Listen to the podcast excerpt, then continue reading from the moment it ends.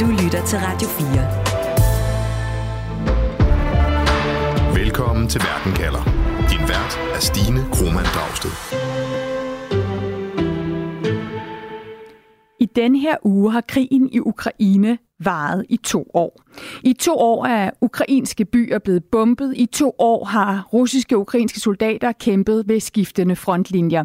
Vi benytter lejligheden her på Verden kalder til at gøre status. I det her afsnit spørger jeg, kan Ukraine stadig vinde?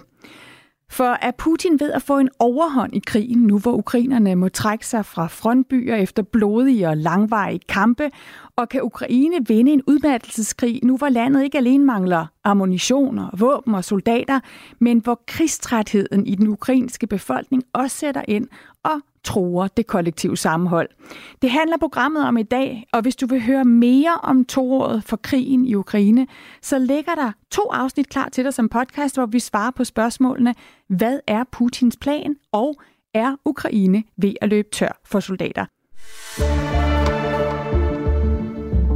Du lytter til Verden kalder på Radio 4. Velkommen til Verden kalder, Valentina Shapovalova. Mange tak. Du forsker i russiske medier og propaganda på Københavns Universitet, og så er du netop vendt hjem selv fra Odessa i Ukraine, en by, som du for øvrigt også er født i og vokset op i, til du var ni år. Valentina, det er jo ikke første gang siden krigen starter, du rejser tilbage til din by og til et land, der jo, der jo stadig kæmper hver dag for at sejre over den her russiske invasionskrig. Hvorfor er det vigtigt for dig netop nu at rejse hjem til Ukraine og til en by, hvor, hvor bomberne jo stadig bliver ved med at falde? Jamen, det er jo fjerde gang, jeg rejser tilbage faktisk siden Storkrigen startede, og den primære grund til det er jo, at jeg stadigvæk har familie i Odessa. Og så fordi jeg følger krigen så tæt, både professionelt og personligt, så har det også været meget vigtigt for mig ikke kun at være der mentalt, men også at prøve at befinde mig i øh, den her tilstand af, af konstante luftalarmer og, og mm, angreb øh, fysisk. Hvorfor? Så ligesom for at bygge en bro mellem det mentale og, og det fysiske, fordi ellers så sker der for meget sådan dissonans øh, for mig. Det, det bliver lidt, øh, lidt underligt at være i. Og så har jeg også, øh, jeg savner jo Ukraine, jeg elsker jo mit øh, hjemland meget højt, øhm, så det, øh, det er også vigtigt for mig at, at kunne mærke pulsen ved at være der fysisk, se, tale med folk, fordi der er jo rigtig meget, som øh, vi ikke ser, vi ikke hører her i Danmark, og selvom jeg også følger med selvfølgelig i de ukrainske sociale medier, almindelige medier, så er der alligevel, det er noget andet at stå øh, dernede og, og tale med folk og se, hvordan folk reagerer, hvordan de lever deres liv videre. Og du er stadig ved at bearbejde alle indtrykkene fra dit sidste besøg i, i Ukraine. Du fortalte mig, at du blev mærke i, hvordan den her idé om Ukraines storhed, altså om at ukrainerne er uovervindelige, at de kan klare alt, at den har ændret sig markant siden krigens start. Hvordan det? Jeg vil måske ikke sige markant, men den har i hvert fald det, hvis vi forestiller os sådan en kæmpe stor ballon, den her forestilling om uh, Ukraines uh, storhed og heltedom, så er luften gået en lille bitte smule ud af ballonen. Og grunden til det er jo simpelthen, fordi krigen har varet så lang tid. Altså to år er virkelig længe at leve under igen konstante luftalarmer, lejlighedsvise angreb, øh, konstant frygt for sit liv. Og de her angreb, de sker jo øh, rigtig tit midt om natten, så folk øh, får heller ikke deres øh, den søvn, de skal have i Ukraine, samtidig med, at de skal passe et hverdagsliv. Altså folk går jo stadigvæk på arbejde, de øh, sender stadigvæk deres børn i øh, børnehaven og i skole osv., så, videre. så det, øh, det er rigtig hårdt psykisk at, øh, at blive ved med at køre på den her... Øh, meget høje øh, nationalistiske øh, bølge med, at vi er uovervindelige, øh, vi er de stærkeste, vi er lavet af stål, øh, når krigen har varet så længe. Hvad vil du sige, den, den dominerende følelse er, som du møder? Jamen, jeg var jo både i Odessa, så var jeg også en enkelt dag i Mykolaiv på besøg, og øh, den følelse, jeg mærkede, og det er også en følelse, som jeg mærker og ser på de sociale medier, er en kollektiv træthed og en kollektiv nedtrykthed. Både fordi, igen, krigen har været så længe, men også fordi det er vinter, det er øh, mørkt, øh, forholdsvis koldt, og folk kan ikke se en ende på den her krig. Det er jo ikke kun os i Vesten, som ikke kan se, hvordan og hvornår den her krig slutter. Det kan folk i Ukraine jo heller ikke. Så det er sådan følelsen af, at selvfølgelig skal, skal ukrainerne blive ved med at kæmpe, fordi de ikke har et andet valg. Men øh, hvor længe kan de blive ved med det? Lad mig også sige velkommen til dig, Anders Puk Nielsen. Tak skal du have. Du er militæranalytiker på Forsvarsakademiet og sidder også professionelt selvfølgelig og følger den her krig. Og når jeg nu i det her program spørger, om Ukraine kan vinde krigen, så lad mig lige få din hjælp til at slå fast, hvad vil det sige at vinde for Ukraine? Altså, hvordan ser en sejr ud? Jamen altså, det, ja, det er jo et af de helt store spørgsmål, øh, som vi i virkeligheden har, har prøvet at få formuleret fra dag 1. Altså Ukraine er rimelig klar på, hvad det vil sige. Altså det er jo at komme tilbage til 1991-grænserne, altså få alle de territorier tilbage, som, som Rusland har, har taget fra dem, inklusiv Krim. Øh, og så er det at påføre russerne så stort et militært nederlag, at øh, de ligesom en gang for alle mister lysten på at invadere deres naboer. Det er, det er sådan den ukrainske øh, vision om, hvordan en sejr ser ud. Men øh, udfordringen har jo været, at vi ikke nødvendigvis i de vestlige lande øh, har delt hele den vision, på trods af, at man har stået skulder, skulder ved skulder og sagt, at, at, at man var enig, så har der været tendenser i en række vestlige lande til at sige, at ah, det kan også være, at mindre måske kunne gøre det, og, øh, og, og, og det kan også være, at det måske er, er svært at se, hvordan det skal kunne lade sig gøre. Og det er jo stadig den diskussion, der så foregår lige i øjeblikket med at sige, hvad skal ambitionen i virkeligheden være? Og, øh, og det vil jo være meget afgørende også for det der svar på, altså kan Ukraine vinde? Hvis jeg så lige vender tilbage til dig, Valentina Shapovalova, og til Odessa i Ukraine, som du netop har besøgt, hvor du jo også bruger tid med din familie, blandt andet din gamle bedstemor, som jo i starten af krigen nægter at flygte fra, fra sit by, fra sit hjem, fra, selvom at Putins bomber falder, ikke, så, siger hun, så vil hun hellere dø i hendes hjem. Og det er jo en bedstemor, som du også siger i starten af krigen, var god til at holde modet oppe, når du talte med hende. Altså hun brugte, brugte humor, fordi det er vigtigt at kunne grine for, for at kunne skabe sammenhold, og, og den her modstand mod russernes invasion. Har din bedstemor den samme kampgejst nu, hvor krigen går ind i sit tredje år? Det korte svar vil være nej. Hun øh, joker lidt mindre. Hun... Øh er mere nedtrykt, hun er mere stresset, og en af grunden til det er jo, at Odessa er blevet angrebet mere i de sidste cirka 8-9 måneder, end den har været helt i starten. Blandt andet også forholdsvis tæt på, hvor hun bor i Odessa. Så det, det har jo skabt rigtig meget øh, stress og har taget rigtig meget energi fra hende, at igen bare kunne fungere øh, nogenlunde normalt i sin hverdag. Hun er jo 84.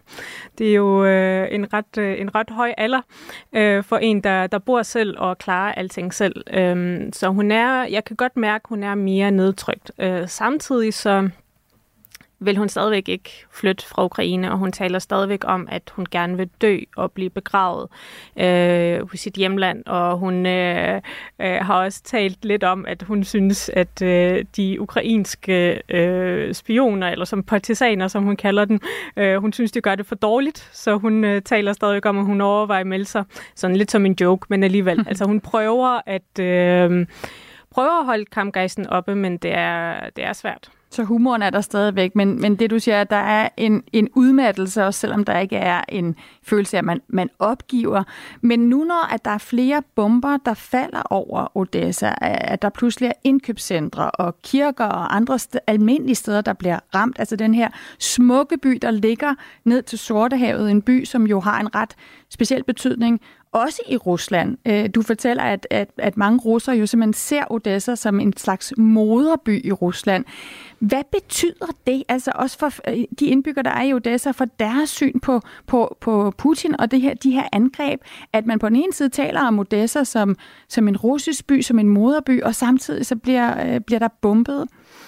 Jamen, der er jo ligesom en kollektiv forståelse af, at Odessa er en ukrainsk by. Hvis du går en tur øh, rundt omkring i Odessa, så bliver der fladet med ukrainske flag øh, alle vegne, og øh, der er også en øh, sådan et, øh, et ønske fra byadministrationen om at markere Odessa som en ukrainsk by. Ikke nødvendigvis ukrainsk talende by, der er stadigvæk rigtig meget russisk, og jeg vil endda sige måske endnu mere russisk tale lige nu, end der har været før, øh, da jeg besøgte byen tidligere. Øh, men øh, Odessa bliver helt klart øh, framet som en ukrainsk øh, by. Så det har ikke ændret sig. Men helt i starten af, af krigen, fordi der gik jo forholdsvis lang tid før centrum af Odessa blev, øh, blev angrebet sådan meget øh, eksplicit. Øhm, så der var ligesom en, en lang periode, hvor, øh, hvor folk fra Odessa og rigtig mange andre i Ukraine troede, at Odessa var fredet på en måde, netop fordi den har så stor en historisk betydning, så stor symbolsk betydning for øh, Putin og for øh, Rusland generelt. Det har så vist sig i, i 2023 ikke at være rigtigt, og det tror jeg også er en del af grunden til, hvorfor folk er blevet ekstra nedtrykte øh, og ekstra demotiveret på en måde, øh, og er det stadigvæk lige nu mm. i Odessa. Anders Pug Nielsen, militæranalytiker ved Forsvarsakademiet. Odessa er jo den her smukke by, den her by, som der er en kamp om, også hele fortællingen om byen kan vi høre her. Men hvad betyder byen øh, militærstrategisk? Hvor vigtig er den for, for, for Putin og, og hans øh, styre og vinde? Jamen, altså, Odessa er vigtig af, øh, af mange årsager. Altså, den første årsag er jo øh, den her symbolske, som vi har snakket om, og Putin har øh, Øh, sågar øh, så, så sent som inden for de seneste måneder været ude at tale om Odessa som en russisk by, og, og ligesom lagt op til, at krigen også på et eller andet tidspunkt ville komme til at, øh, at betyde, at russerne overtog Odessa. Men derudover så er Odessa også en enormt vigtig øh, havneby, øh, Øh, og på den lange bane jo øh, helt afgørende for ukrainernes evne til at, at have adgang til Sortehavet, øh, både militært, men også civilt, i forhold til at kunne eksportere ting, have en velfungerende økonomi på den lange bane. Øh, Øh, og i det hele taget vil jeg sige, når vi kigger på, hvor, hvor står russerne henne lige nu, jamen altså, så tror jeg, man, man er et sted, hvor man må sige, hvis ikke det kan lykkes russerne at øh, få kontrol med hele Ukraine, jamen så vil det så være sådan en form for sekundært mål for dem at få fuldstændig kontrol med Ukraines økonomi, og måske på den lange bane kunne, øh, kunne gøre Ukraine til sådan en form for fail state, og det der med at afskære Ukraine fra adgang til havet vil være en, øh, en nøgle i det. Lytter til Verden kalder på Radio 4. I den her uge er det altså to år siden, at Putin startede en stor invasion af Ukraine, og selvom krigen fortsætter med blodige kampe og med store tab langs fronten, så er det den sidste tid ikke lykkedes Ukraine at befri flere af de russisk besatte områder. Tværtimod er det nu russerne, som sender ukrainske soldater på, på flugt i byer som Avdivka. Anders Buk Nielsen, hvad er det, der er sket, siden at vi nu taler om, at Rusland har en overhånd? Jamen, der er sket det, at russerne er kommet hurtigere i gang med at lave en omstilling til en lang krig. Altså, øh, man kan sige, en, en kort krig, det er jo sådan en, man kan kæmpe med de ting, man har på lager, når, øh, når krigen bryder ud.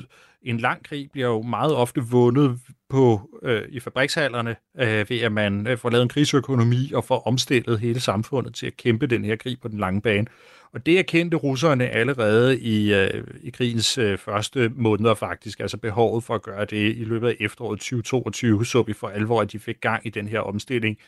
Og der har vi i Vesten, og nok også i Ukraine, stadig haft den her idé om, at det godt kunne gå hen og, øh, og blive en kort krig, øh, hvor øh, rigtig mange forhåbninger var knyttet til den ukrainske sommeroffensiv sidste år, og, og det har simpelthen bare betydet, at nogle af de der øh, nødvendige øh, investeringer, der skulle til for at, at understøtte Ukraine på den lange bane, de ikke blev lavet. Altså, man har simpelthen ikke fra vestlig side haft en ordentlig strategi for, hvordan man kunne hjælpe Ukraine på den anden side af, af den der sommeroffensiv.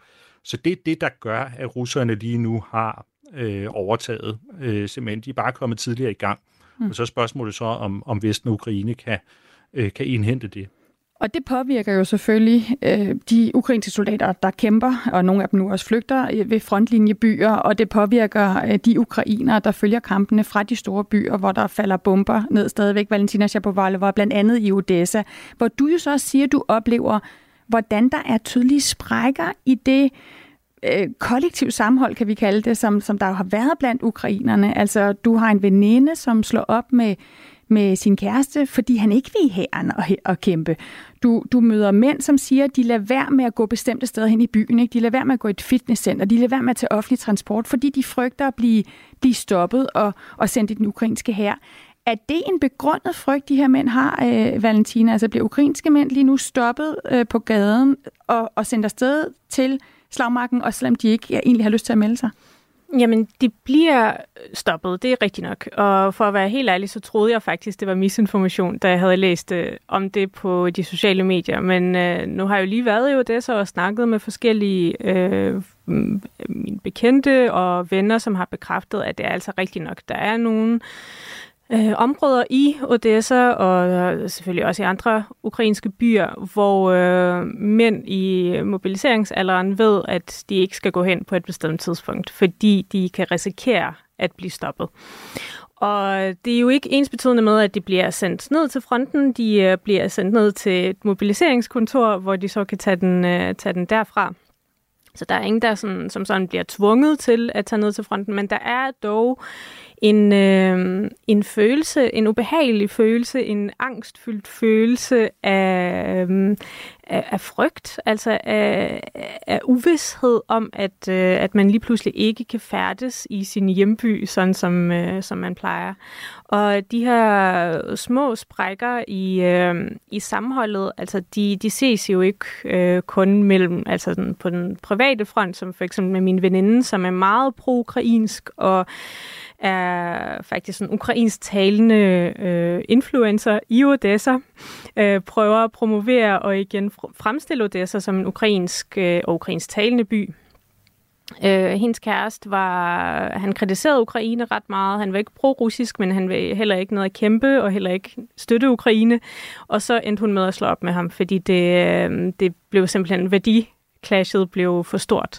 Og det er jo bare et eksempel på mange, som der sker lige nu i Ukraine. Øh, de her sådan små øh, mikro, øh, mikroforhold, altså på det mikroplan, øh, hvor folk øh, bliver uvenner og ja, afslutter forhold og, og venskaber, simpelthen fordi man ikke kan enes om, hvor, hvor meget man skal støtte Ukraine. Mm. Hvilket jo også handler om det her med udmattelse, og om, om der er en tro på, at man stadig kan sejre, Anders Puk Nielsen. Når du hører Valentina Shapovalova fortælle om de her sprækker i det ukrainske sammenhold, om, om mænd, der, der stoppes på gaden, om, om splittelse jo også mellem dem, der bliver i byerne, altså de soldater, der, der nu i overvis har kæmpet øh, den her, de her blodige slag ved fronterne, så lyder det som om Ukraine står over for andre udfordringer med at vinde, end at sikre sig nok ammunition og våben fra, fra os, øh, deres allierede. Altså det med ammunition og våben, det er i hvert fald helt reelt lige nu her, så er det, så, så er det meget akut for dem, men Øh, derudover så er der også nogle andre langsigtede ting. Altså Ukraine er nødt til at få lavet nogle, øh, et, et, et system omkring blandt andet mobilisering og bemanding, som er langtidsholdbart. Altså den model, man har lige nu, hvor det sådan set bare er sådan, at når man er kommet ind i militæret, så kommer man aldrig ud. Øh, den er ikke, det, det er ikke en holdbar løsning. Det skaber simpelthen for meget splittelse øh, og en oplevelse af urimelighed også i det ukrainske samfund. Så sådan nogle, sådan nogle beslutninger er man nødt til på en eller anden måde at få, øh, få truffet, øh, og få lavet et bemandingssystem, som også kan holde til et perspektiv om, at den her krig, den måske ikke er halvvejs endnu. Det kan godt være, at man synes, den har varet længe, men øh, øh, størstedelen kan godt ligge øh, forude stadigvæk. Og det er man simpelthen nødt til at have et, et, et system, der kan håndtere. Du lytter til Radio 4. Nu går krigen altså ind i sit tredje år, og der er ingen udsigt øh, til, at krigen bliver afsluttet forløbig. Du siger lige øh, der, Anders øh, Puk Nielsen, at det kan være, at man skal øh, indse, at krigen måske kun er halvvejs igennem. Rent militærstrategisk, Anders. Hvad er lige nu Ukraines strategi for at vinde? Jamen, Ukraines strategi er faktisk lige i øjeblikket at trække tiden ud. Altså, øh, det, det handler om, at 2024 skal være sådan en form for overgangsår, hvor man får lavet den her omstilling til den lange krig. Øh, man får boostet sin egen forsvarsindustri, og man får stabiliseret våbenleverancerne fra, øh, fra Vesten. Øh, Øh, og øh, så øh, kæmper man i mellemtiden en forsvarskamp, hvor målet er at påføre russerne så store tab som overhovedet muligt, fordi de her ting, de skal jo også gøre rundt i det, i det, i det russiske samfund. Øh, og, og det er jo alt sammen med henblik på, at man så måske øh, på et tidspunkt, måske i 2025, vil kunne komme til at stå et sted, hvor, øh, hvor, hvor forholdet er, er vendt om, og, og det lige pludselig igen er ukrainerne, der har fordelene. Så på trods af den her, det her store, øh, store forskel, når vi kigger på befolkningen i Ukraine, altså cirka 43 millioner, og så befolkningen i, i Rusland, som er mere end tre gange så stor, så siger du, at det faktisk giver mening for Ukraine at blive den her form for udmattelseskrig og håbe, at man så kan vende nogle af de andre forhold, der er at få bedre våben, ammunition, militæruddannelser? Ja, det, i virkeligheden synes jeg, at langtidsperspektivet ser positivt ud for, øh, for Ukraine, øh, hvis man kan bruge det udtryk, at øh, russerne har lige nu en fordel, som skyldes, at de er kommet tidligere i gang med den her omstilling til en, øh, til en lang krig, men øh, når nu Ukraine og Vesten også får lavet den omstilling, så vil det øh, gab blive øh, reduceret. Og vi taler jo lige nu om, om de problemer, som der er i Ukraine, og hvordan de oplever, at det her er blevet en lang krig, og det er udmattende, og, øh, og der melder sig en krigstræthed. Men det gør der jo også i Rusland, øh, og, øh, og de har også en helt masse øh, begrænsninger, der gør, at de ikke bare kan sende ubegrænsede soldater til, øh, til, til fronten. Mm. Valentina Shapovalova, du har fortalt om øh, Odessa, du har fortalt også om byen øh, Mikolajev, som du også besøger, altså den by, som Danmark jo også har lovet at hjælpe med at genopbygge, hvor vi har åbnet et ambassadekontor, hvor du siger, at, at, øh, at der er meget, altså meget stor grad af ødelæggelser, der hænger nærmest en ubehagelig stemning i, i luften, men samtidig fortæller du også, at livet går videre, også i byer tæt på fronten. Ikke? Der, der er en bekendt for Dnipro, som fortæller dig om, at man nu kan tage hundevalpe-yoga-klasser i den mm. by. I Odessa, der går børn i skole, du går i teatret, du er med til bogudgivelsesreceptioner, mens du er i Odessa. Odessa. Altså, dem du taler med i Ukraine, siger de, at de helst bare vil have fred nu, eller hvor står de, når det gælder kampen for at vinde? Jamen, de vil gerne have fred med, på Ukraines præmisser. Altså, ukrainerne har jo været klar over meget længe, at mm, den her naive forestilling om en øh, fredsaftale med Rusland er ikke holdbar hverken i øh, altså det korte løb eller det, det lange løb. Så det er, altså de vil rigtig gerne have fred, de vil rigtig gerne kunne leve et almindeligt liv, men, øh, men de er også godt klar over, at den fred, som de ønsker for sig og for sine børn, for sin familie, den øh, kan kun opnås ved, at Ukraine øh, vinder på en eller anden måde, så kan vi jo tale om, hvordan den sejr øh, skal se ud lige nu. Hvad er det realistiske, men det, øh, det er ligesom den eneste udvej, og folk kommer til at kæmpe til, til det aller sidste. Altså selv min øh, influencer-veninde, den meget pro-ukrainske, som egentlig ikke kan forestille sig selv ved fronten, hun har sagt, at hvis det kommer til, at øh, Ukraine kommer til at mangle soldater, så øh, vil hun overveje at, øh, at melde sig til herren. Så det, øhm, ja. Ja, viljen er der stadigvæk øh, på trods viljen af er, er der stadigvæk, og også en altså livsvilje, at der netop foregår så meget i, øh, i Odessa og andre ukrainske byer, altså så mange øh, kulturarrangementer, øh, netop altså hundevalpe-yoga. Øh, der, der sker meget. Der er stadigvæk øh, liv, selvom folk er nedtrykte og trætte. Du lytter til Verden kalder på Radio 4. I programmet her spørger jeg, kan Ukraine stadig vinde? Anders Puk Nielsen, militæranalytiker ved Forsvarsakademiet. Hvad er din konklusion på det spørgsmål? Ja, min konklusion er, at det kan Ukraine godt, øh, men også, at det her det er en lang krig, som kommer til at, øh, at, at, at vare længe endnu. Og hvis Ukraine skal vinde, jamen altså, så, så er det, vi taler om noget, der er flere år ude i fremtiden. Valentina Shapovalova, du har lige fortalt, at ukrainerne stadig har viljen til sejr. Har de også, altså taler de om, hvad der skal til for, at Ukraine kan sejre? Lige nu, der ser det ud som om, at støtten for USA for eksempel hænger i en tynd tråd. Det går langsomt for at vide med at få våben og ammunition for europæiske allierede. Så er man klar til, hvad det vil kræve af folk i Ukraine og af Ukraine selv? Man har jo ikke noget valg som ukrainer i, i Ukraine, bare blive ved med at kæmpe videre. Folk øh, taler ikke så meget om, hvad de personligt skal ofre. Folk har jo allerede offret øh, rigtig meget, selv hvis man ikke har draget til fronten, eller ikke har mistet nogen ved fronten, ikke har mistet nogen ved de her angreb, som foregår på de civile. Så der er, der er ligesom en forståelse af, og det er der hos alle dem, jeg taler med. Altså selv vores gamle naboer, øh, der hvor min bedstemor bor, at, øh, at de skal holde fast, selvom det er rigtig hårdt. Tusind tak begge to for det perspektiv på, hvad der kræver øh, for Ukraine at, at vinde her nu, hvor vi kigger ind i et tredje år med, med krig. Selv tak. Velkommen. Altså Anders Puk Nielsen, militæranalytiker ved Forsvarsakademiet, og Valentina Shapovalova, forsker i russiske medier og propaganda på Københavns Universitet, og netop hjemvendt fra Ukraine. Programmet her er tilrettelagt af mig, Stine Krohmann Dragsted og Andreas Kloster. Vores redaktør er Camilla Høj Eggers. Du har lyttet til en podcast fra Radio 4. Find flere episoder i vores app, eller der, hvor du lytter til podcast.